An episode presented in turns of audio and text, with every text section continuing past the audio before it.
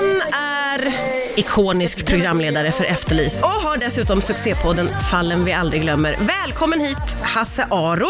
Tack så mycket, tack tack. Du, det är ju krimtorsdag på TV3. Vad kan vi förvänta oss av ikväll? Ikväll så har vi förutom en del aktuella saker som har hänt, så ikväll så handlar det väldigt mycket om ungdomsbrottslighet. Ungdomsrån. Vi har ju gjort en hel del om det den senaste tiden. Det, det märks verkligen att det har ökat. Vi har haft flera fall uppe och idag fortsätter vi eh, och pratar om det här. Och vi har, eh, dels har vi ett nytt fall, men så har vi också med en mamma som var med för ett par veckor sedan och berättade om sin dotter som hade råkat ut för det här. Och nu berättar om vad som hände efter att vi sände. Ja, okej. Det här är ju väldigt mycket på tapeten. Det är ju, Mm. Dels mycket. som du säger så läser man om att det händer mycket. Eh, och sen är det ju många eh, politiker som har börjat liksom dra i det här och fundera på hur man ska kunna komma till rätta med det. Eh, vet man varför det blir en ökning? Det kan inte jag svara på. Det, man, det, det som är problemet, polisen kom ju med en undersökning nu precis, det är väl lite därför som det är på tapeten. Det som är eh, ett problem, ett stort problem är att de här förövarna, de är under 15 år. Vilket gör att polisen kan inte göra så mycket. Och det socialtjänsten gör har väl inte kanske varit så jätteimponerande, eh, det man har sett. Att folk blir fosterhemsplacerade hemma hos sin egen mamma och sådana här saker. Det kanske inte är det Jaha, skarpaste. Eh, så där är ju problemet. Men där har jag ett litet förslag på lösning. Har du? Jajamensan. Okej. Ja, men anledningen till att man inte kan straffas när man är under 15, därför att man inte är straffmyndig. För man anses inte vuxen nog att ta, eh, kunna ta ansvar för sina egna handlingar. För man är då juridiskt sett ett barn. I det resonemanget ligger ju då att den som har ansvaret är föräldrarna. Och det har ju varit ett antal fall genom åren vet jag, där barn har eh, utfört vandalisering, så har föräldrarna sedan dömts att betala skadestånd. Just det. Och då tänker jag så här, ja, men då får väl föräldrarna ta ansvar nu också. Då får väl de ta straffet Ja, för det, det. barnen har gjort. Ja. Det tror jag skulle skaka om en hel del. Ja, det, det tror jag verkligen. Mm. Eh, du, jag måste få fråga, hur eh, fungerar det rent praktiskt bakom det här programmet som vi ju alla har tittat på eh, år efter år och man är Mm. så fascinerad. Men hur är det, eh, hur går arbetet till med ett avsnitt skulle du säga? Jag skulle säga att arbetet med ett avsnitt börjar på fredagen. När vi sätter oss ner och, och pratar om gårdagen och sen så pratar vi om lite grann vad, vad har vi gjort, vad, vad ska vi göra till nästa vecka. Så på fredag börjar vi planera så här. Grejen är att det är jättesvårt att veta vad som kommer hända Ja, nästa ja, ja, vecka. ja. Men eh, vi måste ju göra någonting. Ja. Så det gör vi. Och sen på måndagen samlas vi och då slänger vi allt det vi har gjort eh, på fredag. Ja, ja, okej, bort med det. Bort med det om det, om, om det händer grejer. Det gör det ju. Och Ja. sen så jobbar vi utifrån det. Vi, vi gör ju, man kan säga, tre typer av av eh, re- reportage. Och det ena är ju de här superaktuella, det som händer här och nu. Det här händer nu, igår, eller Ja. medan vi står här.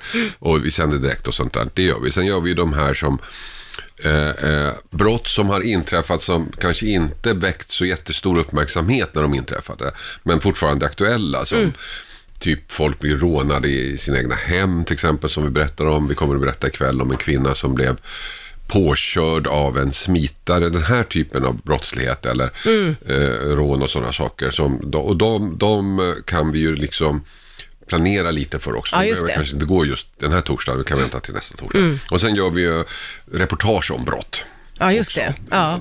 Eller rättegångsreportage och sånt. Och sånt kan vi planera ganska långt innan. Så att man säger att det är halva programmet bestäms måndag, tisdag, onsdag. ja, just det. Och andra halvan har vi liksom lite mer koll på. Ja, just det. Det handlar mycket om, att, eh, om folks engagemang.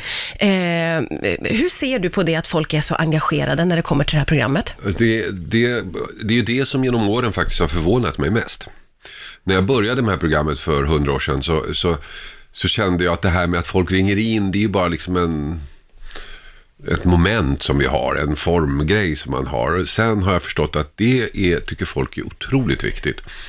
Och i början så gav det kanske inte polisen så mycket därför att de fallen vi hade var inte eh, den typen som folk kanske hade sett så mycket av. Eh, nu har det ju ändrats. Eh, men jag tror, att det är, det, jag tror att det är otroligt viktigt för våra tittare.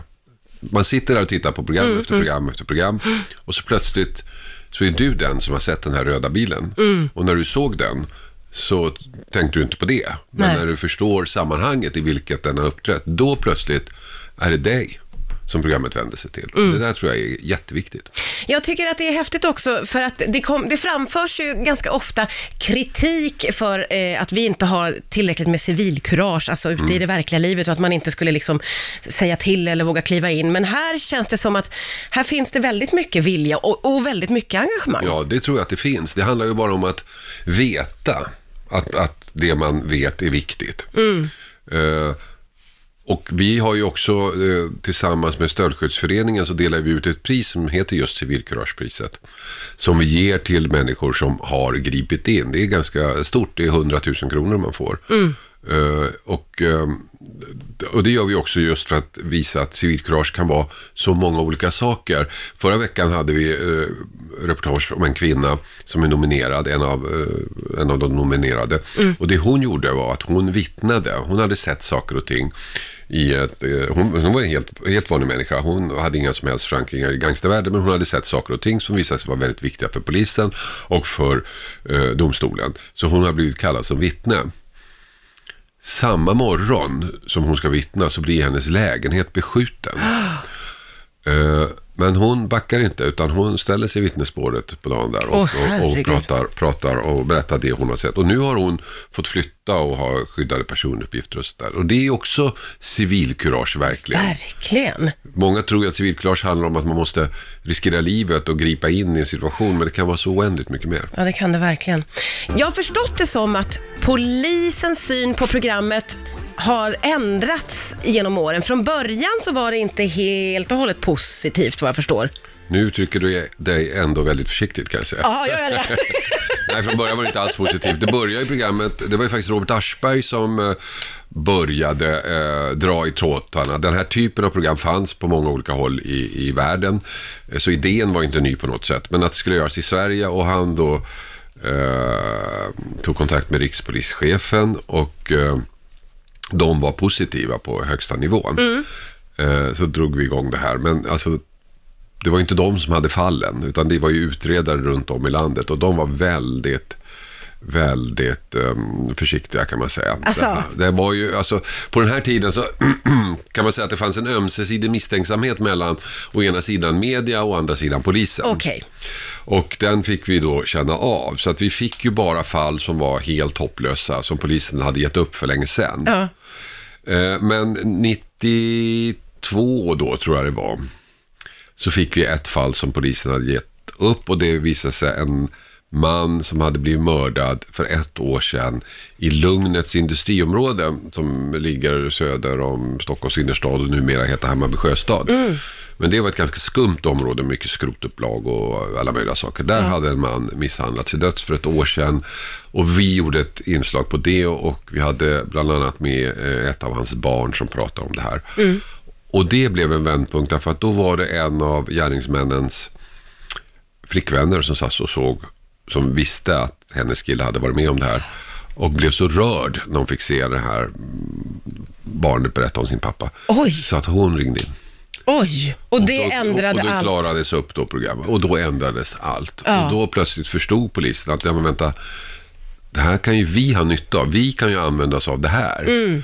Eh, Eh, och det där insikten har väl eh, vuxit med åren. Och en smart polis kan ju då eh, utnyttja programmet i olika faser av utredningen. Det behöver inte bara vara när man ger upp, utan så fort någonting har hänt så går polisen ut och gör eh, operation knörk, dörrknackning.